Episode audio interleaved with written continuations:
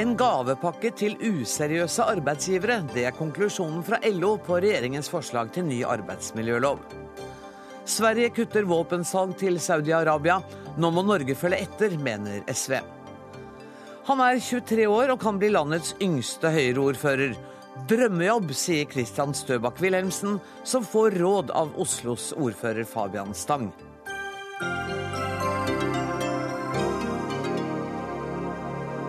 Dette er noen av sakene i Dagsnytt 18 der vi også skal høre at denne fuglen nå er i fare for å bli utryddet. Men først. Mer søndagsjobbing, arbeidsplikt for sosialhjelpsmottakere, flere midlertidig ansatte og mulighet til å stå i arbeid til fylte 72 år. Det er noe av konklusjonen i forslag til ny arbeidsmiljølov som regjeringen, sammen med støttepartiene Kristelig Folkeparti og Venstre, la fram i dag. Vi er enige på alle punkter, var noe av det første som ble sagt da fire smilende menn innledet dagens pressekonferanse. Erlend Wiborg, du sitter i arbeids- og sosialkomiteen for Fremskrittspartiet. Hva er det du er aller mest fornøyd med? Nei, Det er helheten. Det at vi nå sørger for å få en arbeidsmiljølov som faktisk er tilpasset 2015, og ikke følge en arbeidsmiljølov fra 1977. Men nå utfordrer jeg deg til å finne en av de tingene ja, Det er at de ansatte nå eh, kan eh, få en mer fleksibel arbeidshverdag. Gjennom at hvis de selv ønsker, og det passer for bedriften, så kan man jobbe mer i noen perioder og mindre i andre perioder. Det er en fleksibilitet som er viktig for regjeringen og Fremskrittspartiet, som vi heldigvis har fått gjennomslag for i dag. Og det vi har diskutert opp og ned av stolper, har vært midlertidige eh, ansettelser. Nå har dere jo ikke fått til akkurat så mye som Fremskrittspartiet ønsket. Jo, vi har fått gjennom det Fremskrittspartiet ønsket. For vi ønsket å få en, lage en ordning sånn at mennesker kunne få en fot innenfor arbeidslivet. De som aldri ble kalt inn på jobbintervju. Og det er det vi har klart nå med midlertidige ansettelser. Men dere ville ha en midlertidighet på fire år? Ja, det var utgangspunktet, men så er vi fire partier. Men, men allikevel, jeg er veldig komfortabel med det vi har fått til. For nå sørger vi for at mennesker som er midlertidig ansatt, raskere har krav på fast jobb. Mm. Det er bra. Det har ikke eh, tidligere regjeringer gjort. Men vi samtidig sørger vi nå for at mennesker kan få en fot innenfor, få mulighet til å prøve seg i arbeidslivet. Og det mener jeg er viktig og bra, for vi har 650 000 mennesker som står utenfor arbeidslivet, og mange av de ønsker å ha mulighet til å jobbe hvis vi legger til rette for det. Og det gjør vi med denne eh, nye arbeidsmiljøloven. Og dere vil altså ha en midlertidighet på fire år, har forhandlet dere ned til tre år med Kristelig Folkeparti og Venstre. Og Når det gjelder søndagsjobbing, så ville dere at man skulle kunne jobbe fem søndager på rad. Det har blitt til tre. Er du like fornøyd med den løsningen? Ja, Fremskrittspartiet hadde ønsket å gå lenger, ja. men jeg er veldig glad for at vi får en utvidelse i forhold til i dag. Men som jeg retter programlederen også på innledningen. For det er ikke snakk om at mennesker skal jobbe flere søndager totalt sett i løpet av et år. Nei, men, det men det betyr f.eks. nå at studenter eh, som da i sommerferien eller andre ferier ønsker å jobbe noen søndag, flere søndager på rad, nå får mulighet til det. For nå kan de jobbe tre søndager på rad i stedet for to. Men det fremgår ikke noe sted at dette bare gjelder studenter? Unnskyld meg. Altså, nei, det gjelder alle. Men det kan men være du... mange som er i forskjellige livssituasjoner, ja, som kanskje ønsker å jobbe noen søndager på rad i bytte mot fri på andre søndager. Trine Lise Sundnes, leder i Handel og Kontor. Eh, gavepakke til den useriøse arbeidsgiveren, sier dere? Ja, det er riktig, og dette er med respekt å melde det verste sprøytet jeg har hørt på lenge. altså. Eh, det eneste som har skjedd i dag, det er at eh, regjeringen, sammen med de de nå har inngått forlik med, har sørga for at hovedregelen i norsk arbeidsliv ikke er fast arbeid lenger når dette blir Eh, blir innført. Det de har sørga for nå, det er at hovedregelen er at arbeidsgiver kan velge kontraktsform. Det er det de innfører med denne, dette regimet. Men det står at hovedregelen er fast arbeid? Det står i det de har blitt enige om? Hovedregelen er eh, med dette systemet at arbeidsgiver får valgfrihet til å velge kontraktsform. Nei. Eh, jo. Det er ikke sånn at arbeidsgiver bestemmer kontraktsform. Her er det to parter som skal komme til en enighet for at man skal uh, kunne inngå avtaler her. Det, men det gjelder ikke bare på midlertidige ansettelser, det gjelder på alt vi faktisk gjør nå. Har du vært nye, ute i arbeidslivet, ja, eller? Kan, hvis jeg kan fullføre. Det vi gjør nå med den nye arbeidsmiljøloven, er at alle endringene betinger lokal enighet. Det betyr da at den enkelte ansatt, enkelte lokale fagforening, må være enig i de grepene eh, man tar. Og Fremskrittspartiet og regjeringen og nå avtalepartiene, vi har faktisk tillit til de enkelte ansatte. Vi har tillit til de lokale tillitsvalgte. At de kan lage gode avtaler tilpasset de behovene man har lokalt, i stedet for at ting skal bestemmes fra Da må jeg få spørre deg, Wiborg. Eh, hvis da den enkelte arbeidsgiver ikke blir enig, hvem bestemmer da? Nei, for vi sier, og det står helt klart og tydelig Hvem bestemmer da? Nei, Det er faste ansettelser er hovedregelen. Og så åpner vi opp for at små bedrifter de kan ha inntil én midlertidig ansatt. Så er ikke, og når de først har hatt én midlertidig ansatt, får det en karantenetid på ytterligere ett år jo, men, før de kan ansette en ny. Men, men nå er du litt på sida av det hun spør om, for du sier at vi har tillit til at lokale fagforeninger mm. kan komme til enighet. Spørsmålet er hva skjer når det ikke kommer til enighet? Nei, Hvis ikke man kommer til en lokal enighet, da kan Så blir det ikke noe? av. Nei, og det er helt klart på de endringene vi har foreslått. Da bestemmer arbeidsgiver. Nei, det bestemmer arbeidstaker, sier jo han, for da blir det ikke noe av.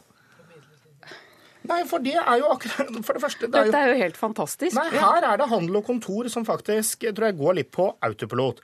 For det som er helt tydelig, vi, eh, alt betinger lokal enighet. Når det gjelder midlertidige ansettelser, så kan bedriftene tilby så kan bedriftene eh, tilby én midlertidig ansatt eller per bedrift, eller 15 av arbeidsstokken. Og hvis den enkelte ikke vil ha det, ja, Hvis man ikke har lyst på det eh, jobbtilbudet, så eh, da vil det jo selvfølgelig gå til en annen en. Nettopp. Men igjen så Mitt er poeng. hovedregelen Hovedregelen at... blir da at arbeidsgiver Nei. får frihet til å velge kontraktsform. Nei, for vi legger begrensninger her. Jo, men, men, vi legger men begrensninger for å ta det litt videre. Ja. La, la, la snakke ferdig. Ja. Eh, og da, vil jeg, da, vil jeg, bare over til en annen ting på denne begrensningen. Fordi, og Jeg legger jo merke til i forliket i dag at dere har tenkt til å gi Arbeidstilsynet eh, tilsyn og myndighet til å mhm. følge opp dette. Eh, og da er det jo sånn at det er 209 000 eh, virksomheter i Norge eh, som har ansatte. Eh, hvordan, eller hvor mye eh, har dere tenkt til å tilføre Arbeidstilsynet av økte ressurser for å kunne ta denne oppgaven? Nei, Vi mener for første Arbeidstilsynet har utgangspunktet et ansvar allerede i dag å kontrollere at arbeidsmiljøloven blir fulgt. Men nå har jo vi styrket Arbeidstilsynet. Det er noe regjeringen har gjort, og noe vi tar sikte på å fortsette å gjøre. Men jeg tenker vi... at dette med tilsynet er en liten avsporing i forhold til de helt store Nei, det er ikke det. fordi at i dag så er det sånn at tilsynet fører tilsyn med 7 Eh, av alle landets virksomheter med dagens oppgaver. Eh, så får de dette i tillegg, og det betyr i realiteten at du har risiko for å få eh, et tilsyn fra Arbeidstilsynet hvert 13. år, hvis man skal være igjennom alle virksomhetene. Og hvis de skal få denne oppgaven i tillegg, så syns jeg det er vesentlig å spørre okay. hvor mye skal dere da styrke Arbeidstilsynet? Vi har styrket det, så vi må gå videre til Vibeke Hammer Madsen. Du er administrerende direktør. i Virke og har vært veldig rolig og behersket her nå. For du du er jo også litt misfornøyd med resultatet, men på en helt annen side enn Sundnes. Ja. Eh, Kanskje ikke misfornøyd, men du hadde håpet på ja, mer? Vi hadde helt klart håpet på mer, og vi hadde store forventninger til at vi skulle få en eh, arbeidsmiljølov som var fremtidsrettet, og en lov som tok høyde for nå den betydelige omstillingen som norsk næringsliv skal inn i, og som vår statsminister også er tydelig på. Og med eh, det som ble sendt ut på høringen, Eh, så eh, hadde vi absolutt forventninger til at vi skulle oppnå mer enn det vi har oppnådd. Og, og når det er sagt, fire år? Ja, men nei, når det er sagt, så er det Nei, det er helheten. Det er, en, det er flere punkter. Men når det er sagt, så er vi helt klart fornøyd med to ting. Eh, to viktige punkter for Virke. Og det har vært muligheten til å tilsette midlertidig inntil tolv måneder. Mm. Og det eh, har vi fått. Og det andre er en økt bruk av gjennomsnittsberegning, som er viktig, begge disse punktene, for både små og store, eh, store virksomheter. Og det som er bra, det er at det står fire partier samlet bak disse to viktige tingene. Og så skulle virke gjerne sett at vi hadde klart å få til mer i forhold til hva som også lå der på høringen, og de forventningene vi hadde. Fordi at det lå ingenting om at man skulle faktisk begynne å gjøre noe med denne såkalte fireårsregelen, som er viktig eh, for mange virksomheter. Rett og slett fordi at Norge er et av de beste landene når det gjelder permisjoner. Og da må vi ha vikarer, og vikarer kan gå på fire år. Sundnes.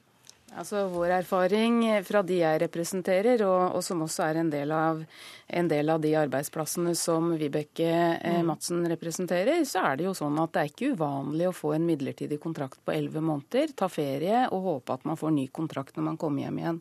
Så om det er tre eller fire år eh, i privat sektor, spiller faktisk ikke så stor rolle. Så dere er ikke så opprørt over det? At det ble Nei, Poenget er at det at man eh, åpner for eh, midlertidighet uten vilkår, mener jeg både er brudd med eh, det Høyre bl.a. sa før valget, og jeg mener de har forleda velgerne sine på dette, fordi de var opptatt av at de ikke skulle komme med et forslag som gikk utover det Bondevik II i sin tid foreslo. Eh, men nå har de gått lenger, og de har altså ingen vilkår. Men er, ikke, er dere ikke litt bakstreverske? For det vi, trenger vi ikke en arbeidsmiljølov som er innretta på den nye virkeligheten som Norge nå står overfor. Det er viktig. Det er Poeng, poenget her er at Norge er hele tiden i utvikling. Eh, den bransjen vi representerer, og dette kan helt sikkert eh, Hammer Madsen skrive under på, har vært gjennom en rivende omstillinger de siste ti årene. Stor grad av effektivisering, høy produktivitetsøkning som nå har flatta ut. Men, men eh, i bunnen så må muligheten for faste ansettelser ligge. Men når man da lager et allmennprinsipp hvor arbeidsgiver fritt kan velge, eh, så vil den midlertidigheten som 23% av dagens unge opplever, den blir større. Men vet du hva, Vi er nødt til å sette strek. Jeg skal si tusen takk til Hamme Madsen og til Sundnes. og Så skal jeg be deg bli sittende, for vi skal ha den politiske debatten eh, nå. Vi gir oss nemlig ikke med dette forslaget til ny arbeidsmiljølov. For det er ikke uventet at opposisjonen på Stortinget er negativ, like negativ som LO er. Anette Trettebergstuen fra Arbeiderpartiet. Dere har vært tydelige i dag på at hvis dere kommer til makta, så vil dere reversere denne endringen. Er det egentlig klokt? Når vi tenker på at det arbeidslivet, både arbeidstakere og arbeidsgivere, trenger, er forutsigbarhet. Og nå skal vi sitte her og vite at om tre år så kommer det til å gjøre det om. Vi trenger forutsigbarhet i arbeidslivet, og det er derfor vi er dønn imot den endringen som regjeringen gjør i dag, med at man åpner opp for at eh, folk kan ansettes i midlertidige jobber, også der det er et fast behov for arbeidskraft. Dette betyr at eh, så mange som én av fire av oss kan oppleve å bli midlertidig ansatt, og at det blir vanskeligere å få seg fast jobb. Det er altfor mange i dag som går i midlertidige kontrakter i år etter år etter år. Dette vil altså øke med regjeringens forslag. Så ja, vi kommer til å være, reversere dette så fort vi får sjansen, fordi det er faste, trygge ansettelser som er det beste for arbeidsfolk, det beste for eh, virksomhetene og det beste som, for samfunnet i sin helhet. Så det, det, kommer vi til å gjøre når vi får sjansen. Og dere har vært ganske kritiske mot Kristelig Folkeparti også i dag, som har gått med på dette. Hvorfor er dere det? Fordi jeg opplever at eh, Kristelig Folkeparti i arbeidslivspolitikken eh, står veldig uh, nære Arbeiderpartiet. og at deres leder Knut, Erik, Knut Arild Hareide under generalstreiken streiken 28. 28. januar var tydelig på at KrF eh, vil si nei til mer søndagsarbeid og vil gå imot åpningen for midlertidige ansettelser. Men i dag så har altså KrF eh, gått med på dette og gir flert, regjeringen flertall for en utvikling i, arbeidslivet som eh, vil ramme veldig mange arbeidstakere, og som overhodet ikke møter arbeidslivet eller velferdsstatens behov. Og Det, det syns jeg er trist. Knut Arild Hareide er ikke her, men det er du, Kjell Ingolf Ropstad fra Kristelig Folkeparti. Du hører dere dere har skuffet Arbeiderpartiet i dag? Ja, jeg var ikke akkurat overraska over det. Jeg må innrømme det. Jeg har ikke satt deg på lista over deg som kommer til å skryte. Men Dere har lukket døra for et framtidig samarbeid med Arbeiderpartiet på viktige områder nå? Jeg tror vi skal ta samarbeidsdebatten i 2017. Det vi har vært opptatt av, er å få en best mulig avtale. Eh, og jeg vil jo si at eh, det som har vært utfordringa med Arbeiderpartiet, det har jo vært at de har sett på arbeidsmiljøloven som en hellig lov, i den forstand at du aldri kan justere på noen ting. Vi er jo kjempefornøyd med at vi har fått gjennomslag for at midlertidig ansatte skal få fast jobb allerede etter tre år mot fire i dag. Det er et forslag som vi har prøvd å, å få dem med på lenge, og, og som er en av de store seirene i dag. Ehm, det er veldig bra at man endrer fireårsregelen til å være en treårsregel, ehm, men det betyr veldig lite når man samtidig åpner opp for at arbeidsgivere på generelt grunnlag uten vilkår kan ansette, ansette opptil 15% av bedriften midlertidig. Det vil ramme kvinner og unge arbeidstakere, de med nedsatt funksjonsevne. Det, det, gjør det vanskeligere få fast arbeid. Så mener jo jeg da at eh, jeg har troen på ja, at KrF kommer til å bli med oss i 2017 dersom vi får regjeringsmakt igjen, og reversere disse endringene. For det er jo helt tydelig at KrF egentlig er imot mange av de endringene de i dag eh, går med på så jeg regner med at vi får KrF støtte for å si at vi skal tilbake til et arbeidsliv der det er trygge, faste ansettelser som er hovedregelen. Men det, det er alltid hyggelig å være ønska. Eh, men, men, det vi er fornøyd med i dag, det er jo at vi har fått stoppa en del av de endringene som er kommet, i tillegg for at vi har fått noen viktige gjennomslag. Og for å ta søndagen først, da, ja. så er det ikke riktig at det blir mer søndagsarbeid. Det er fremdeles ikke lov å jobbe mer enn 13 av 26 søndager, altså halvparten av søndagene. Men du kan jobbe du kan, tre i slengen. Tre på rad istedenfor ja. to på rad. Ja. Og jeg er ikke imot fleksibilitet nødvendigvis. Eh, det vi har vært redd for, at det skal være et for stort press for at du må avtale det. Det opplever ikke vi at er i den avtalen nå. Nå er det fleksibelt for den enkelte. Og når det gjelder midlertidig ansatte, så er det jo riktig at vi ikke ønsker den generelle adgangen. Men en skal jo huske på at det ligger veldig tydelige føringer, begrensninger, sånn at du kan være midlertidig ansatt i et år på generell adgang, men hvis ikke arbeidsgiver da velger å ansette deg fast, så får de en karantene i et helt år. Ja. Og Det betyr at du som arbeidsgiver har valget. Enten så velger jeg fast ansettelse, eller så kan jeg ikke ha noen midlertidig. Derfor vil det sannsynligvis ikke bli utnytta.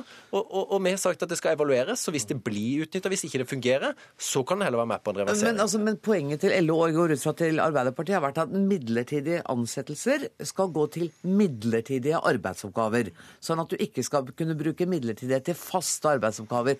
Det har jo vært et prinsipp dere også har støtta før. Absolutt. Men det er vi ferdig med nå. Jeg er helt enig med det. Og ja, men det slutta vi med. ja, det kan du for så vidt si. Ikke men, for så vidt. Altså, på, det prinsippet har dere lagt bort. Ja, det har vi gjort. Ja, eh, samtidig så er det sånn at det er en del begrensninger som hindrer at det kan bli utnytta.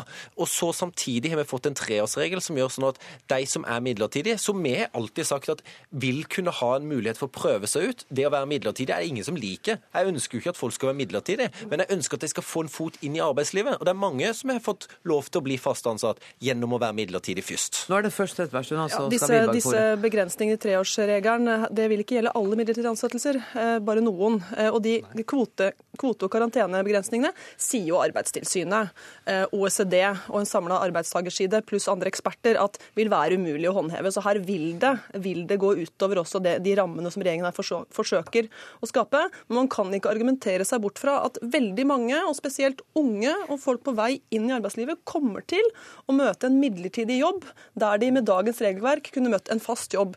Det vil bli vanskeligere å få fast jobb, flere vil bli midlertidig ansatt, og det mener vi er å gå i feil retning. Men dette vet vi ikke før vi får erfaringene. Det er fint. Jeg er veldig glad for at KrF har, har, har moderert regjeringens forslag på søndagsarbeid, at man nå i hvert fall skal holde hviledagen hellig i hvert fall hver fjerde søndag. Eh, og Det er veldig bra, eh, men summen av disse endringene med midlertidige ansettelser og endringer på arbeidstid, det går i helt feil retning. Er ikke det arbeidslivet og det norske samfunnet trenger nå, og vil gjøre det mer utrygt, vanskeligere å kombinere familieliv og arbeidsliv, eh, og gjøre at mange vil kunne bli pålagt ubekvem arbeidstid. Og det mener vi er feil. Vilborg, det er ikke overraskende at du og Arbeiderpartiet har ulik virkelighetsoppfatning, men, men poenget for dere har da vitterlig vært at dere skulle ha flere unger inn arbeids, unge inn i arbeidslivet. uh, og ikke færre, sånn som Trettebergstuen sier, vil bli resultatet. Ingen av dere vet jo hva resultatet blir. Nei, men det, Jo, til en viss grad vet man det. For man vet at med det systemet Arbeiderpartiet her sitter og forsvarer, som de har forsvart nå i år ut og år inn, så er det 650 000 mennesker som står i arbeidsfør alder som står utenfor arbeidet. Og ikke alle, men mange av de ønsker å ha mulighet til å, ta, eh, å jobbe. Så vet vi også av erfaringen vet vi at to av tre som er midlertidig ansatt, får fast jobb innen to år. Og Det viser at dette kan være et springbrett inn. Mm. Og det jeg ikke skjønner er Hvorfor ønsker eh, Arbeiderpartiet synes det er greit med midlertidige ansettelser i staten? Da er Arbeiderpartiet for at man kan gå midlertidig ansatt i mange år, også utover fire år. Men nå når vi sier at la unge mennesker, la funksjonshemmede og andre som ikke slipper til, la de få prøve seg i tolv måneder, det er tydeligvis helt ragnarok. Men, eh, og det at man skal jobbe i staten eller NRK i seks-syv år midlertidig, det er akseptabelt for Arbeiderpartiet. Ja, NRK gjør de ikke det, bare sånn at det er sagt. Men kan vi ikke ta et lite, et lite punkt til? Eh, 70 års aldersgrense, er det uenighet om det også, eller er alle lykkelige med det? Altså, vi, vi, reagerer jo på at uh, man her uh, åpner opp for en, en, en, heving av aldersgrensen uten at man har konsultert eller lytta til partene, mens partene i arbeidslivet skal være med på å se på de andre, andre lovverkene som regulerer aldersgrensene. Det er vi kritiske til, men det føyer seg inn i rekken av eksempler på at regjeringen ikke ikke bruker trepartssamarbeidet eh, til det det er ment som. Men det er det dere reagerer på, ikke 70 år i og for seg? Jo, det, det, kan, det kan, være med til å være kan, Vi er positive til å se på aldersgrensa, vi, men vi mener at det må gjøres eh, sammen med partene. At man må se på alt lovverk, eh, lovverk samla. Men, hovedutfor, hovedutfordringen her er jo at regjeringa sier at de styrker vernet for eldre arbeidstakere. Ja, for noen så gjør de det. Men det disse lovendringene vi diskuterer her i dag, først og fremst gjør, er at de svekker rettighetene til alle andre arbeidstakere. Jo, de gjør det. Jo, de gjør det. Nei, men, Svekke retten til fast Jeg må si, jeg har alltid, jeg har alltid trodd uh, at Arbeiderpartiet var et parti som kjempet for arbeidstakernes mhm. rettigheter. Men det syns tydeligvis er helt greit at når du runder en viss alder, da skal du ikke ha noe oppsigelsesvern lenger. Da skal det være arbeidsgiver som skal kunne bestemme 100% Det er Fremskrittspartiet og regjeringen og nå avtalepartiene eh, uenig For vi ønsker nå å styrke eh, oppsigelsesvernet til eldre arbeidstakere.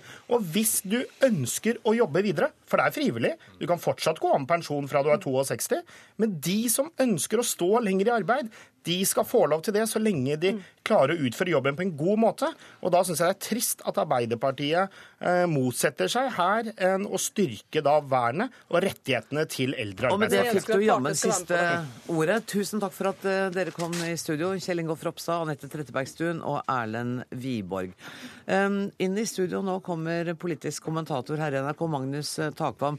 Um, det, det blir litt sånn temperatur i disse debattene, selv om vi har hatt dem før? Det er jo en, en klassisk eh, venstre-høyre-side-debatt, dette her. Eh, som vi har sagt en del ganger før, så var det jo den som mobiliserte veldig i 2005, da den rød-grønne regjeringa vant. Så det er ikke rart at det blir temperatur om dette. Arbeiderpartiet sier at de er skuffet over Kristelig Folkeparti, og mener at Knut Arild Hareide i og for seg har snudd på viktige punkter. Er det riktig? Altså, KrF har vært i et dilemma her, det vi har kalt et klassisk dilemma, mellom enten å påvirke og moderere forslaget noe, som de har gjort, eller å være prinsipielle uh, mot midlertidige ansettelser, som jo som jo er eh, den største saken her. Da har de, etter eh, tvil og tro, landet på å gå inn i, i eh, et forlik. Men det var absolutt ikke gitt at det skulle skje. Og for noen uker siden, da Robert Eriksson la fram dette, så var det veldig få som, som egentlig trodde på det. Men har dette noe med det møtet som eh, regjeringen og samarbeidspartiene hadde etter denne uroen rundt Per Sandberg og, og krangelen med Kristelig Folkeparti, har det noe med det å gjøre? Ja, det, det, blir i hvert fall sagt fra alle parter. Altså at eh, skulle det bli noe annet enn tomme ord, det møtet der man sa til hverandre at man burde samarbeide bedre og, og, og sånn blant de fire partiene, så, så, hadde det vært ille om man, eh, det skar seg i, det, i, det, i den første store saken. Så tror jeg at Eh, I forlengelsen av det, det, du spurte om, så er det, er det slik at i disse forhandlingene så hadde regjeringspartiene to pakker. Den ene var dersom bare partiet Venstre var med. Den andre hvis alle fire partiene var med. Hvis KrF hadde gått ut, så hadde man ikke f.eks. redusert dette med søndagsarbeid. Og da hadde Venstre på noen punkter som gjelder turnuser og den type ting, vært mer skal vi si, liberale enn det regjeringen foreslo. Slik at det visste jo KrF. Og da, da som sagt, var deres valg å påvirke noe med fireårsregel, som de kanskje hadde, Venstre hadde fått uansett, men også på, på andre punkter. Og så skal det være en evaluering av dette etter noen år, om, og, og der, der, man skal se om det faktisk utvikler seg slik regjeringen og Robert Eriksson har, har påstått at det vil gjøre. Eh, så det var også et punkt da, i, i, kompromisset her. Men dette er en viktig seier for regjeringen? ikke sant? Det er en stor og viktig sak? Mm. Det er klart at uh, arbeidsmiljøloven og reguleringen av arbeidslivet er en veldig sentral sak. Uh, der det er en betydelig seier for regjeringen at de klarer å samle alle fire partiene bak, bak dette vedtaket. Så det er det ingen tvil om. Uh, men vi hører jo her at uh, Eh, debatten om hva det fører til. Altså, Er det ille, eller er det, er det på en måte en, en, nærmest sosialpolitisk tiltak som skal gjøre at eh, vanskeligstilte kommer inn i arbeidslivet? Det, jo, det spriker jo veldig. Og en av, en av, kritikkene er jo at det ikke er utredninger og forskning som kan på en måte si noe eh, mer sikkert om dette. Det har Fafo nå satt i gang. De har et svært forskningsprosjekt sammen med Sverige om nettopp å se på den materien. Så kanskje det blir grunnlaget for den evalueringen vi snakker om. Som skal være om noen år. Ja. Tusen takk for at du kom i studio, Magnus Takvam. Dagsnytt 18 alle hverdager klokka 18.00 på NRK P2 og NRK2.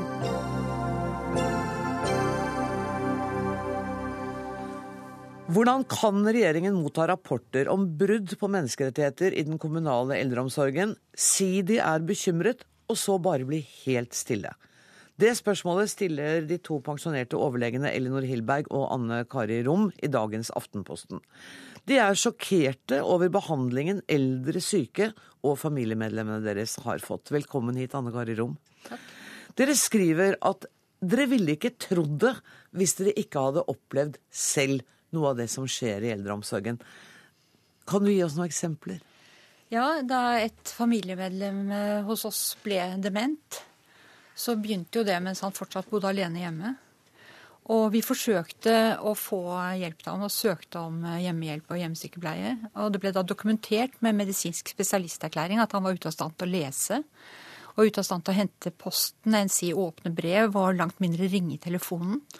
Men svaret fra den aktuelle bydelen i Oslo kommune var et rundskriv, et, et rutinebrev, hvor de anbefalte ham, som ble rettet til ham, da.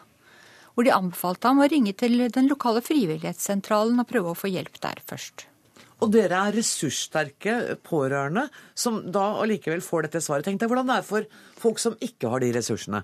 Ja, De har ringt meg i dag. Har de? Ja. Hva sier Etter at den kronikken kom i dag, så har jeg fått mange telefoner og henvendelser. Hva sier de? Nei, det er jo sånn at det er et eh, du er den øverste sjefen, eh, minister, for et system som produserer skrekkhistorier. Og, eh, og eksempler. Mener du det? Produseres? Ja, det mener jeg faktisk. Det er en systemfeil i eldreomsorgen, etter min mening. Og den består av antagelig gjennomført på mange områder svak ledelse. Og veldig lav kompetanse hos veldig mange deltidsansatte. Og antagelig også for få sykepleiere. Og muligens også for få sykehjemsleger. Slik at det foregår nå ting både i og utenfor institusjon som, som vi skrev, ikke, man ikke skulle tro hvis man ikke hadde opplevd det. Jeg trodde virkelig ikke det. Jeg trodde det var enkeltstående rutinebrudd eller noe lignende. Men det er så mange at jeg tillater meg å kalle, meg, kalle det system, en systemsvikt. Mm. Og jeg er veldig glad for at eh, minister Høie er her, fordi jeg håper jo nå med dette eh, at vi skal få slutt på denne øredøvende tausheten som har vært inntil nå nylig, hvor den ene etter den andre av våre helsetopper og minister erklærer at de er bekymret. Mm. Nå må faktisk noe gjøres på en annen måte enn det har vært gjort før. Vi kan, ikke, vi kan kort og godt ikke ha det sånn lenger. Bent Høie, det du blir appellert om er å ta dette innover deg. Og jeg trenger ikke nå å vite alt det fantastiske arbeidet som dere sikkert har satt i gang mange steder. Tar du dette ordentlig innover deg? Ja, vi gjør det. Jeg er veldig enig i den beskrivelsen som de kom med i artikkelen. Eh, det eneste jeg er uenig i, det er liksom at det ble helt stille. For det, det, har det ikke vært. Og dette er noe som vi har grepet fatt i. Jeg syns det er litt urettferdig når du sier at du vil ikke høre det vi gjør. Jo, jeg kan godt høre Mens, noe av det, men det, først, det, viktigste for meg Jo, jeg vil høre det. Ja. Men det viktigste for meg var å vite at du, at du, nå tar dette innover deg og tar det på alvor, sånn som eh, artikkelforfatteren har oppfordret deg til. Absolutt. Og det som jeg syns òg, at jeg synes de har en veldig god beskrivelse av utfordringene, som jeg er helt enig i. Eh, det handler om eh, ledelse. Eh, det handler om utfordringer knytta til kompetanse. Det mangler om manglende kvalitetssystemer.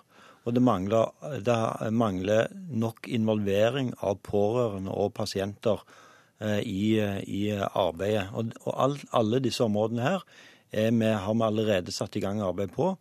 Vi har satt i gang et arbeid knytta til å etablere en egen leder utdanning for de som jobber i sektoren, etter modell av rektorskolen, eh, som har vært en suksess i skolen. Vi har i eh, budsjettet nå satt av 400 millioner kroner til etter- og videreutdanning, fordi det er for mange som jobber i, spesielt med eldre, som, som, som, ikke har en faglig utdanning, eller den kompetansen som det er behov for.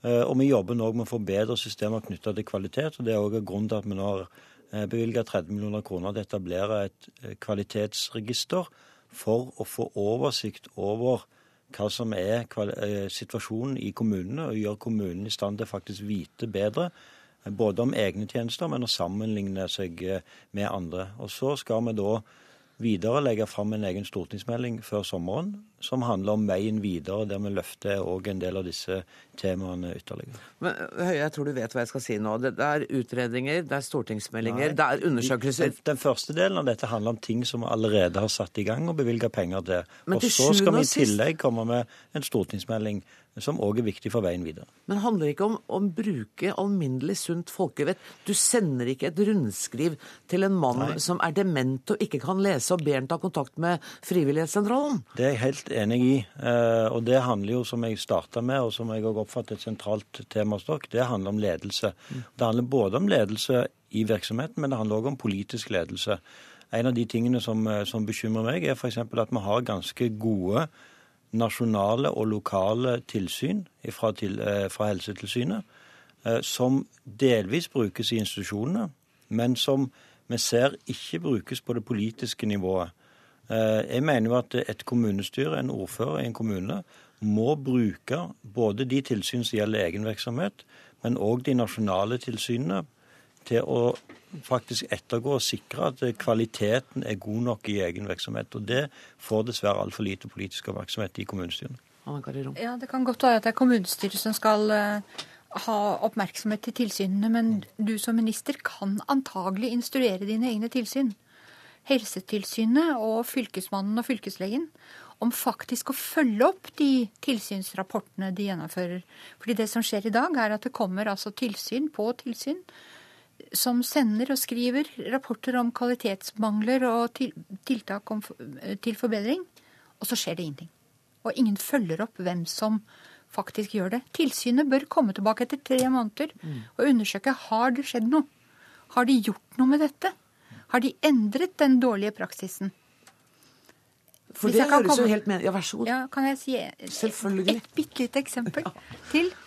da vår, eh, vårt familiemedlem kom på et av, et av, Oslos mange sykehjem. Ikke et av de som rangerer høyest på brukerundersøkelsen. Og det er et veldig godt tiltak som Oslo kommune gjør. En brukerundersøkelse. Men et av de som ligger langt ned på listen.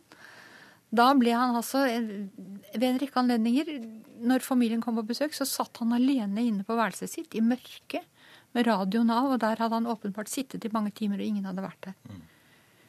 Man blir så ulykkelig. Så noe må bare gjøres med dette, kort og godt.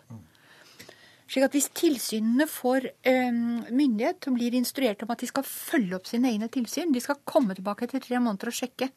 Og Det gjelder både fylkeslegen og det gjelder eh, Helsetilsynet. For vi har nok rapporter, nok dokumentasjon. Vi må gjøre noe på en annen måte enn vi gjorde før. Det er et konkret og veldig godt tiltak. for Hvis tilsynene kommer og kritiserer og sier at sånn må dere gjøre sånn og sånn, og så skjer det ikke noen ting, da er jo den tilsynsrapporten verdt ikke noe. Ja, Det er helt uh, riktig. Hvis det ikke skjer noe, så er det veldig lite verdt. Så Derfor er det jo, som jeg også sa, viktig at det blir fulgt opp sånn som vi gjør det i dag. er at Hvis det har vært tilsyn og de finner avvik, så vil ikke de avvikene bli lukka før institusjonen har dokumentert at de har gjort noe med det som ble avvik. Men uh, det kan, som jeg sa, men det kan godt tenkes at man har behov for å få en sterkere oppfølging av det, og ikke minst òg eh, ikke nødvendigvis bare tilsyn med egen virksomhet, men det er jo sånn at det vi ser, er at mye av de samme feilene går igjen i tilsynsrapportene. Nettopp. Og da tenker jeg at iallfall eh, vil det være lurt eh, tenker at da er det veldig eh, fornuftig å undersøke om det er risiko for den samme feilen i egen virksomhet, selv om en ikke har vært, eh, eh, hatt et tilsyn hos seg. Og det er nettopp òg de temaene som vi løfter opp i det arbeidet som vi gjør nå med pasientsikkerhet og, og kvalitet. Så er vi eh, nødt til å se på, eh, på å eh, få redskap som, som en kan jobbe med for å sikre at en får mer felles standard på hva som er god kvalitet eh, i Norge, for det variasjonen er for store. Det er mange sykehjem i Norge som er bra, men til, det er for tilfeldig om du kommer på en bra institusjon eller en for dårlig institusjon. Og hele poenget ditt var jo at du skal redusere den menneskelige lidelsen. Ja, for det er det folk eh, opplever nå. Ja. Kan jeg foreslå at du oppretter litt kontakt med f.eks. Anne Kari Rom og får litt praktiske råd? Eh, her og nå må jeg si tusen takk for at dere kom til Dagsnytt 18. Takk skal du ha, Anne Kari Rom. Takk til Bent Høie.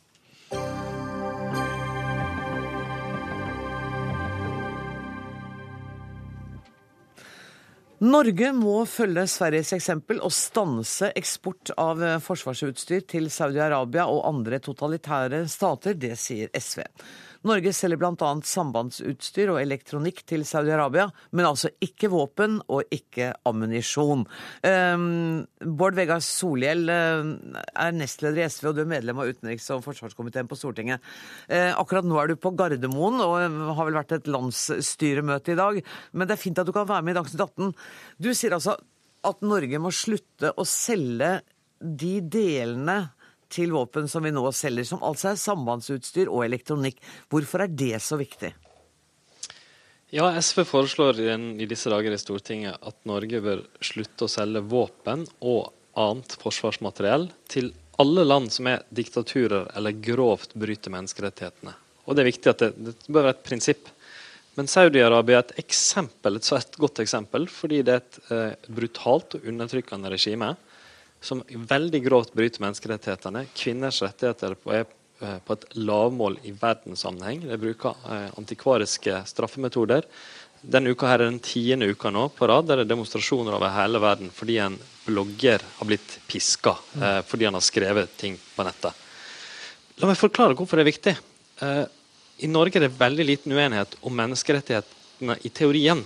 Eh, men menneskerettigheter kan ikke være noe for festtaler og pressemeldinger testen på dem det kommer jo når plutselig næringsinteresser er inne i bildet, når Statoil finner olje i Aserbajdsjan, når Dalai Lama kommer til Norge selv om vi vil handle og ha et godt forhold til Kina, eller når vi selger forsvarsmateriell til Saudi-Arabia, som et land vi ellers kritiserer. Og vi bør gjøre det samme, men, eh, eller Begge hendene bør gjøre det samme. Både den som snakker om menneskerettigheter, og den som eh, er statens og, og samfunnets økonomiske interesser. Bård Glad Pedersen, din reaksjon på dette. Du er statssekretær i Utenriksdepartementet for Høyre. Jeg kan jo uh, glede Bård Vegar Solhjell med å si at uh, praksis uh, når det gjelder eksport av forsvarsmateriell, er faktisk litt strengere enn da han satt i eh, regjering. Og det er jo helt presist som programlederen innleda med å si, at vi selger ikke våpen og ammunisjon eh, til Saudi-Arabia. Men det er åpning for å selge eh, forsvarsmateriell, men bare dersom det ikke kan brukes til intern undertrykking, til menneskerettighetsbrudd. Og der har vi stramma inn ytterligere og tydeliggjort reglene. Under vi offentliggjør hvert år nøyaktig hvor mye som selges. Under rød-grønne har det variert fra litt over 30 millioner til eh, under 2 eh, millioner. Det er ikke våpenammunisjon, det er kun forsvarsmateriell, som er en helt annen posisjon enn det Sverige hadde, som har solgt eh, våpen og ammunisjon for over 700 millioner. Vi har en av verdens strengeste praksiser. Vi har stramma det ytterligere litt til. og jeg mener at Det er riktig at vi har et forutsigbart, strengt regelverk. Og så uh, må vi ha et godt menneskerettighetsarbeid overfor uh, Saudi-Arabia, som både handler om å si tydelig ifra, men også være villig til å inngå i en dialog for å få til forbedringer. Men uh, når Solhjell sier at vi skal ikke selge til noe land som har regimer som vi ikke aksepterer, er det også en tankegang du kan følge? Ja, hovedregelen i norsk eksportregelverk er at vi selger ikke eh, våpen eller forsvarsmateriell til områder der det er krig eller der krig truer. Det har ligget fast siden 50-tallet. Det bør ligge eh, fortsatt fast. Så har vi eh, stramma til ytterligere regelverket når det gjelder Eh, ting som kan brukes til intern undertrykking, sånn at vi ikke selger det til områder der det er risiko for det. Hva slags ting er det som kan brukes til intern undertrykking? Ja, Det er jo ulike typer materiell som kan eh, bidra til intern undertrykking. og Det skal dokumenteres for at vi skal godkjenne et salg, at det ikke kan gjøre det. F.eks. sambandsutstyr kan ikke gjøre det, og er derfor uh, godkjent. Jeg Så overvåking av landets beboere, det skal ikke vi bidra til? Nei, altså vi, vi skal bidra Vi, vi kan selv forsvars... Jeg bare prøver å forklare hva det er vi snakker om her. Ja, altså eh, Batonger f.eks. kan brukes til intern undertrykking. Ja. Godkjennes ikke. Eh, eh, sambandsutstyr kan det ikke. Luftvernutstyr kan det ikke. Men vi selger altså ikke våpen og ammunisjon til Saudi-Arabia. Eh, men vi kan selge forsvarsmateriell på den helt klare betingelsen at det ikke kan brukes til intern undertrykking. Så, Så jeg har si at... at reglene er strengere nå enn da du uh, var med i en uh, rød-grønn regjering? Ja, det kjenner jeg godt til, for jeg var med på å foreslå den innstramminga som nå blir etter hvert eh, praktisert. Den Nei, den foreslo vi i stortingsmelding for... til behandling hos deg nå i Stortinget. Kan jeg, kan, kan jeg, være så snill å få lov til å snakke mer enn fem sekunder av gangen? Uh, jeg, vi foreslo en innstramming etter den arabiske våren. for Da viste det seg at Norge hadde solgt forsvarsmateriell til flere av de regimene som det kom opprør mot. Eh, og det var viktig.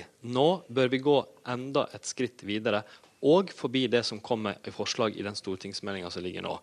Hvorfor det? Jo, fordi det er et veldig teoretisk skille mellom våpenammunisjon og forsvarsmateriell. For å drive et moderne forsvar i dag, så trenger du kommunikasjonsutstyr. Det er en del av det eh, et regime bruker i sitt forsvar. Og Saudi-Arabia bruker sitt forsvar til intern undertrykking, men ikke bare det. De bidrar til det i nabolandene. Når det var et demokratiopprør i Bahrain, så ble det saudiarabiske forsvaret brukt til å undertrykke det demokratiopprøret. Og så er det veldig små beløp, eh, bl.a. fordi vi har en eh, strengere politikk nå enn for noen år siden. Bare et par millioner i året til Saudi-Arabia. Små beløp til andre land som Kuwait, Oman, Egypt osv. Men nettopp derfor er det ganske lett å gjøre uten at det får store økonomiske konsekvenser for eh, norsk forsvarsindustri.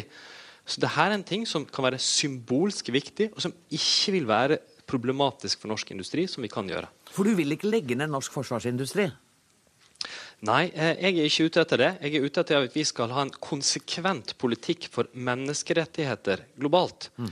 Og Dette er et av mange eksempler på at hvis, ja, vi, Jeg og Bård Glad Pedersen er helt enig i teorien tror jeg, om hva vi mener om Saudi-Arabia.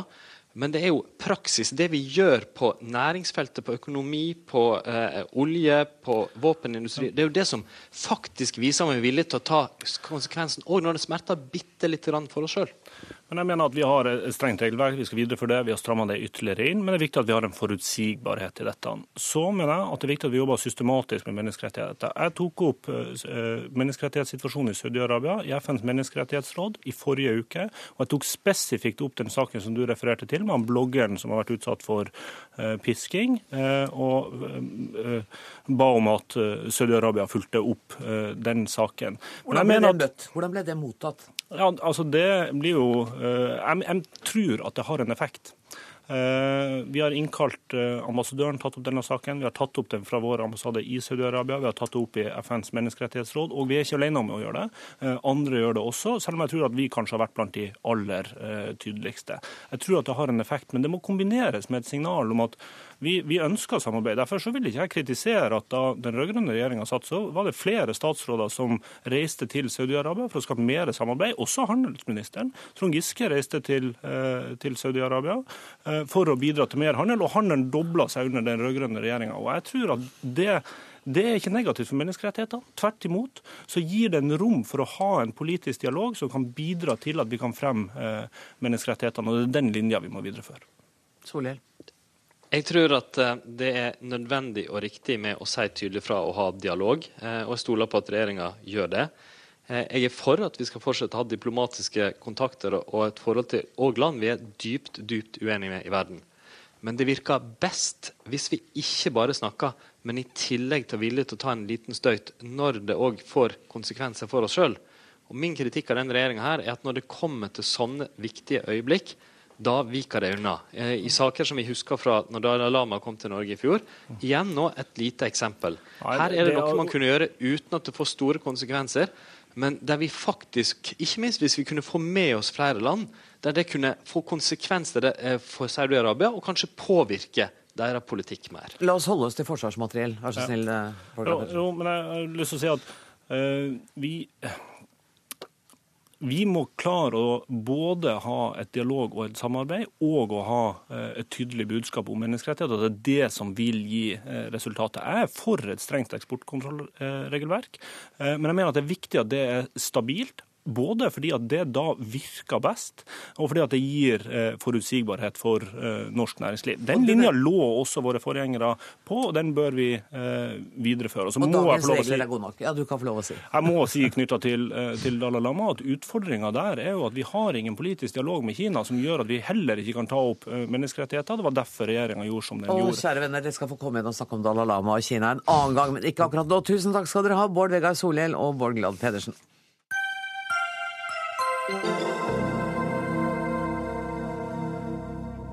Nå skal vi møte en ung mann som omtales som en person med gode politiske ferdigheter, et godt nettverk og et varmt hjerte for Tromsø. Dette er ordene til nominasjonskomiteen i Tromsø Høyre, som i går enstemmig valgte deg, Kristian Støbakk eh, Wilhelmsen, til Høyres ordførerkandidat. Gratulerer. Tusen takk for det. Hvor gammel er du, da? Eh, jeg er 23 år. Og kommer til å være den yngste, hvis du blir valgt, den yngste Høyre-ordføreren mm. noen gang. Mm. Hvordan kjennes det? Nei, det? det? kjennes veldig godt. Det var et fantastisk møte i går eh, med utrolig god stemning, godt oppmøte. Og eh, som, altså, den tilliten jeg føler at jeg har i ryggen når jeg går ut i valgkamp nå, den er, det er godt å ha med seg. Du Også, møter ikke noen fordommer fordi noen vil synes du er i yngste laget til en, den type representativ jobb? Jo, det er klart det har vært en del reaksjoner. Men det, men det er mange, det, veldig mange som faktisk blir litt letta når jeg sier at jeg er 23. For jeg, det kan jo se ut som at jeg ikke har stemmerett engang. så, så, men det har vært en del reaksjoner. Både veldig, veldig mange positive og noen negative. Hva svarer du dem som kanskje syns at du er i yngste laget til denne type jobb? Jeg har jo en del politisk erfaring. Det har jeg. Jeg har vært eh, møte nå på Stortinget eh, i tre måneder. Har vært leder, eller er leder i utdanningskomiteen i Tromsø og gruppesekretær for, eh, for Høyres kommunestyregruppe. Så jeg er fulltidspolitiker på rådhuset i Tromsø nå og har fått en del politisk erfaring. Så det er viktig å ha med seg. Mm.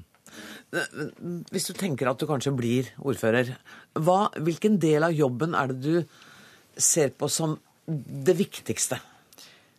Det viktigste for meg vil være politikk. Alltid. Uh, uansett uh, om man er ordfører eller kommunestyrerepresentant eller, eller, hva man skulle være.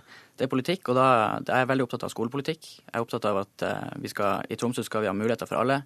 Og jeg har store ambisjoner for, for Tromsø-skolen, som allerede er veldig god, men som bør bli enda bedre. Mm. Også dersom jeg blir ordfører, og uansett om jeg blir ordfører eller ikke, og kommer i kommunestyret, så vil min, min aller, aller viktigste sak være psykisk helse. Psykisk helse. Psykisk helse og skole vil være de to politiske områdene mm. du vil uh, fokusere på. Uh, ordfører Fabian Stang, velkommen hit. Takk. Det, det, er jo fantastisk at unge mennesker har lyst til å gå inn i denne type jobber. Det er veldig bra. og Vi føler oss jo ikke gamle i det hele tatt, vi nå, når uh, ordførerkandidaten er 23. Uh, det, er, eh, det er jo helt fantastisk. Ja. Og jeg tror vi alle reagerer sånn intuitivt. 23 år kan ikke bli ordfører. Ja. Og så jo mer jeg har tenkt på det, jo mer fascinert er jeg over tanken, og jo mer selvfølgelig er det blitt for meg at selvfølgelig kan en 23-åring bli, bli ordfører. Og vi har jo sett at det har vært litt dårlig valgdeltakelse blant unge velgere. Eh, og kanskje nå kan få en ordentlig boost i Tromsø. Eh, fordi at du eh, får, får, lurt ut dem, de som pleier å vente noen valg før de stemmer. Mm. Og så er det jo sånn at alder i denne bransjen spiller jo ingen rolle. Det som spiller noen rolle, det er at man er politisk sulten på nye løsninger hele tiden. Og noen er gamle når de er 40, og noen er voksne når de er 23. Men det, jo, men det, er noe med den der eh, forestillingen noen av oss har om en ordfører med en viss pondus, og du skal bære ordførerkjede. Og, og det er kanskje litt sånn de forestillingene vi har hatt om hvordan gamle ordførere skal se ut? Ja, da, vi ser jo, altså Vi som har levd en stund, vi ser jo for oss en eller annen med flosshatt, hadde nær sagt. Nesten, ikke sant? God dag, fru, og hvordan står det til, og har de det godt i byen vår? Eh, men uh, those days are gone. Eh, heldigvis. Så, ja, heldigvis. Jeg tror, uh, jeg tror dette blir veldig spennende. Og så er det klart at en ordfører er jo alltid bare en del av et lag. så det blir jo ikke Eh, det blir jo ikke deg som skal styre alene, du har jo et, eh, et byråd. Men eh, du en, vil jo få en utrolig ansvarsfull jobb, det er det jo ingen tvil om. Men det virker jo som du er en, en mann som, som forstår betydningen av det ansvaret. Ikke minst det at du har møtt på Stortinget, sittet, ledet komité og vært med. Det er mange som stiller til valg som ordfører rundt omkring som knapt har vært i politikken. Så har du noe råd til? Er det noe Ja, det, det, tenkte jeg jo at, eh, at det ville bli spurt om. Ja. ja. Og så har jeg tenkt, vet du hva. Hvis noen hadde prøvd å gi meg råd når jeg var 23, hadde jeg hørt etter? Nei, jeg tror ikke det. Nei, dette må komme inn ja, det, det, eneste jeg kan si, er at vær deg sjæl.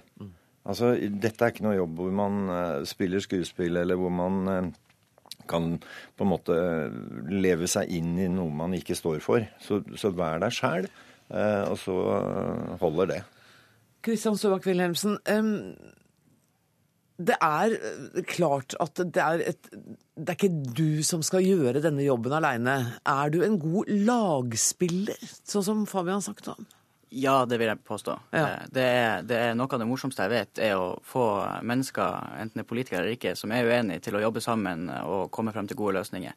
Og Der tror jeg faktisk har mye å bidra med. Og det, det har, eh, Jeg har en rolle på rådhuset nå der jeg samarbeider godt med, med våre samarbeidspartier i Tromsø og, og trives veldig godt med, med å være, være, spille på lag. Og så har jeg eh, sittet i kommunestyregruppa med 16 mennesker i Høyre som i alle aldre, som har masse forskjellige kvaliteter, og som har lært veldig mye av de siste fire årene.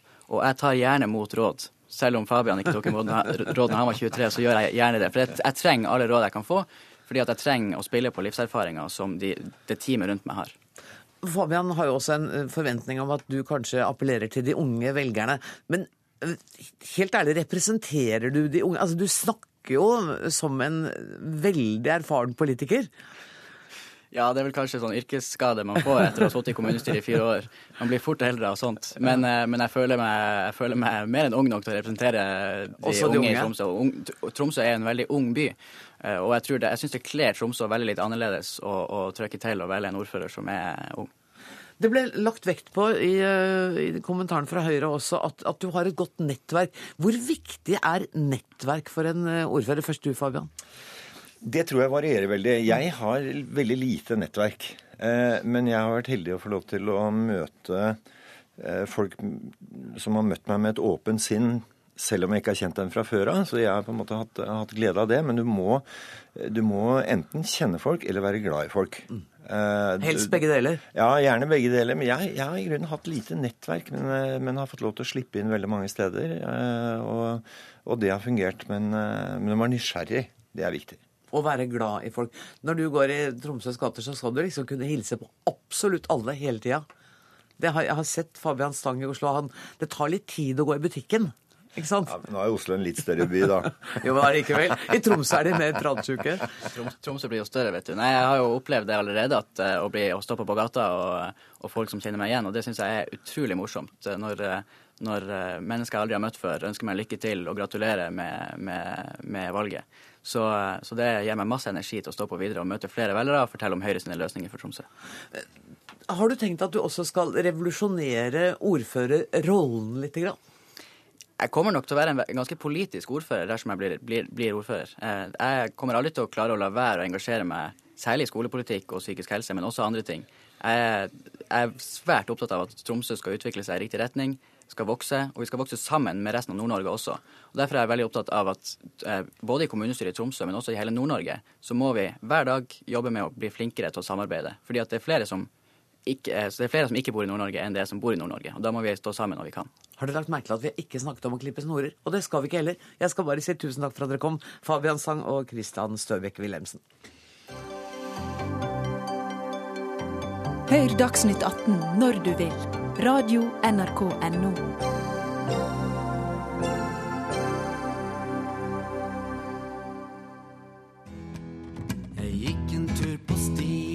søkte skogens ro. Da hørte jeg fra lien en gjøk som sa ko-ko, Ja, da har vi i hvert fall sørget for at alle lyttere og seere har fått den på hjernen for resten av kvelden. Ehm, for det kan komme til å bli stille og helt ko-ko-fritt på stiene. For gjøken er i fare for å bli utryddet og har havnet på den såkalte rødlista. Og så lå Petter Bøckmann hvor, hvor, altså, hvor, alvorlig er det? Er det sånn at det er slutt med at jeg kan sitte under et tre og høre gjøken og ønske meg ting? Det er sånn at det er litt mer vrient å finne et tre hvor det er gjøk i. Det er ikke sånn at den har havna sånn på supertrua. Den har ikke gått fra, fra, ikke et veldig vanlig dyr til at nå er den nesten utrydda. Den har gått liksom ett hakk lenger ned på rødlista. Og det er ikke noe særlig hyggelig. Det er aldri hyggelig når det blir færre av en dyretype, men det er ikke de superdramatiske nedgangen. Det er ikke sånn at nå er det på tide å skrive gjøkenekrologen. Nei, ok, det, det, er godt vi slipper det. Ja. Men, men, hva skyldes denne nedgangen? Ja, spør du meg, så spør jeg deg. Okay. uh, altså, det er jo sånn her i verden at, at, dyrebestandene går litt opp og ned. Det er ikke det er ikke si, noe gitt i at det skal være like mange dyr til enhver tid. Og hva, hva, som gjør at dyrebestandene går litt opp og ned, kan være litt ymse. Ofte så har det å gjøre med at det forsvinner leveområder. Ofte så har det å gjøre med at maten deres forsvinner. Vi, vi står i en tid hvor det er klimaendringer på gang, og dermed så kan insekter dyr leve av forsvinner. Gjøken er en sånn insekteter. Spiser sånn insekter og småmark og den type ting. Og så er gjøken et veldig spesielt dyr, for den er en reirparasitt. Den ja. gidder ikke ta seg av ungene sine selv. Den flyr av gårde, så finner den en eller annen teit sang eller jernspurv eller lerke. Sånn, sånn fum, sånn små grå fugler. Og så hiver han ut et egg, og så putter han i sitt eget egg istedenfor. Og så klekkes av det egget, og så kommer det ut en svær unge som da starter med å kibbe ut alle søsknene sine. Den knekker gjerne en, en dag før disse her andre, ganske kjapp. Og så ender det med at den stakkars lille fuglen står og fòrer på gjøken. Gjøken blir ganske svær. Den blir sånn skjærestor. Ja. Og, og det, det, er sånn, ja, Sanger og sånn, det er sånn spurv minus i, i størrelse. Og altså, Det ser ganske dramatisk ut. Men det er klart, disse her fuglene de liker jo ikke at eggene deres blir kasta ut. Det lønner seg ikke for dem at eggene deres blir kastet ut, så de har utviklet muligheten til å kjenne igjen eggene sine. Gjøkemor gjør det hun kan ved å få dem ut av telling ved å vippe ut et egg før hun legger sitt eget. Disse her må da kjenne igjen hm, er det mitt egg, er det ikke mitt egg. Og noen ganger så er det altså de som er flinkest til å kjenne igjen gjøkeegg, de klarer seg best, de får flest unger. Så på sikt så vil dette gå litt fram og tilbake. Det er sånn evolusjonært våpenkappløp mellom gjøken og disse fuglene om å gjøre å få likest mulig egg til disse småsangerne, og for småsangerne om å gjøre å ferske gjøkeegget. Så dette er en art som vi må regne med at kommer til å gå litt opp og ned. Det kommer aldri til å være sånn stabil populasjon av gjøk. Det blir ikke, og det blir ikke helt borte. For selv om de andre fuglene, sangerne, blir litt glupere og litt smartere og, og litt flinkere Det kan bli veldig sjelden, da. Og det er det som er, Gjøken er en sånn fugl som er litt utsatt for å være sjelden. Og når bestander av dyr fra naturen sånn går litt opp og ned, så blir de ekstra ømfintlige for andre bakenforliggende årsaker. La oss sånn si at det er global oppvarming som plager gjøken. Og så har vi en situasjon hvor gjøkebestanden går ned fordi den blir fersk av disse her småfuglene. Og så kommer det på toppen av det hele. Da risikerer vi at den forsvinner. Og det, det, er det som gjør at vi, når du får sånn litt dramatisk nedgang i bestanden, så, så roper forskerne varsko her, og så flytter de inn et hakk på rødlisteskalaen. Men du, du, sa jo da at, at liksom, eh, antallet dyr er ikke likt, altså Nei, altså vi har jo I dag hørte jeg da på radio at det var funnet 150 nye dyrearter i havet. Eh, blant annet en blekksprut som var veldig giftig, som ikke hadde fangarmer. Og... Det høres ut som et gammelt opptak. Ja, um...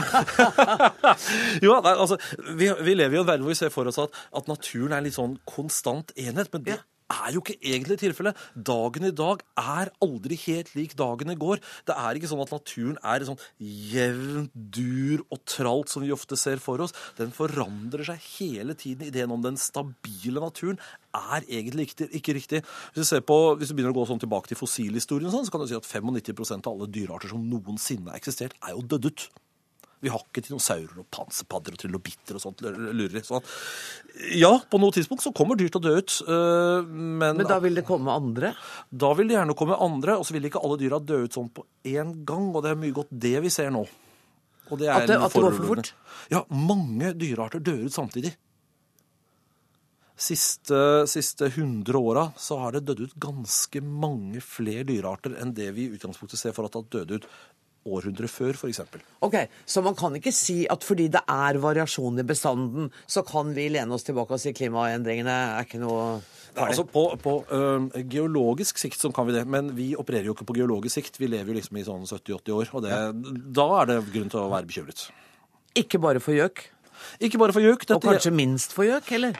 Ja, hvis du er småfugl, så er du sikkert veldig glad for at det går nedover med gjøken. Men det er klart, det kan jo skyldes at nedgangen i gjøk skyldes nedgangen i småfuglbestanden, og da er jo selvfølgelig ikke det heller noe hyggelig. Men hva kan man gjøre med dette? Eller er det noe som helst? Først må vi finne ut hva er det som faktisk foregår. Uh, og det er sånn lange og kjedelige undersøkelser må folk på med ryggsekk og ut i skauen og sitte med kikkert og notere notatblokkene sine. Altså sånn god gammeldags forskning for å se er det noen trender. Er det, forsvinner det mer gjøk derfra? Forsvinner det mer gjøk andre steder? Kan vi få dette til å falle sammen med noe data på vær og vind og hvorvidt hvor mye gjøk der i fjor osv.? Det, er, det er ganske mange faktorer som kommer inn i bildet. Det er ganske mye forskning som skal til for å finne ut hva som skjer nøyaktig. Men du, da tenker jeg at mens gresset gror og forskeren forsker, så dør gjøken? Ja, og det er selvfølgelig den andre siden av saken. Det skjer jo, altså, Gjøk er en fugl, og fugler kan være litt vonde å holde rede på. De lever fort og hardt, og dermed så går bestander opp og ned. Men av og til så er det med planter og ting som gror litt langsommere, så sitter vi og sier ja, mm, nå er det fire eksemplarer igjen i verden. Oi, der er det bare tre eksemplarer igjen. Oi, nå er det bare to, gitt. Skal vi se, skal vi se. Der forsvant den med siste. Da dør den andre ut også. Og nå er det 15 sekunder igjen av denne sendinga. Jeg skal bare nevne at ansvarlig vaktsjef i dag har vært Ida Tunørisland. Det tekniske ansvaret har Hilde Tosterud. Jeg heter Anne Grosvold. Jeg takker Petter Buckmann for at du kom i studio.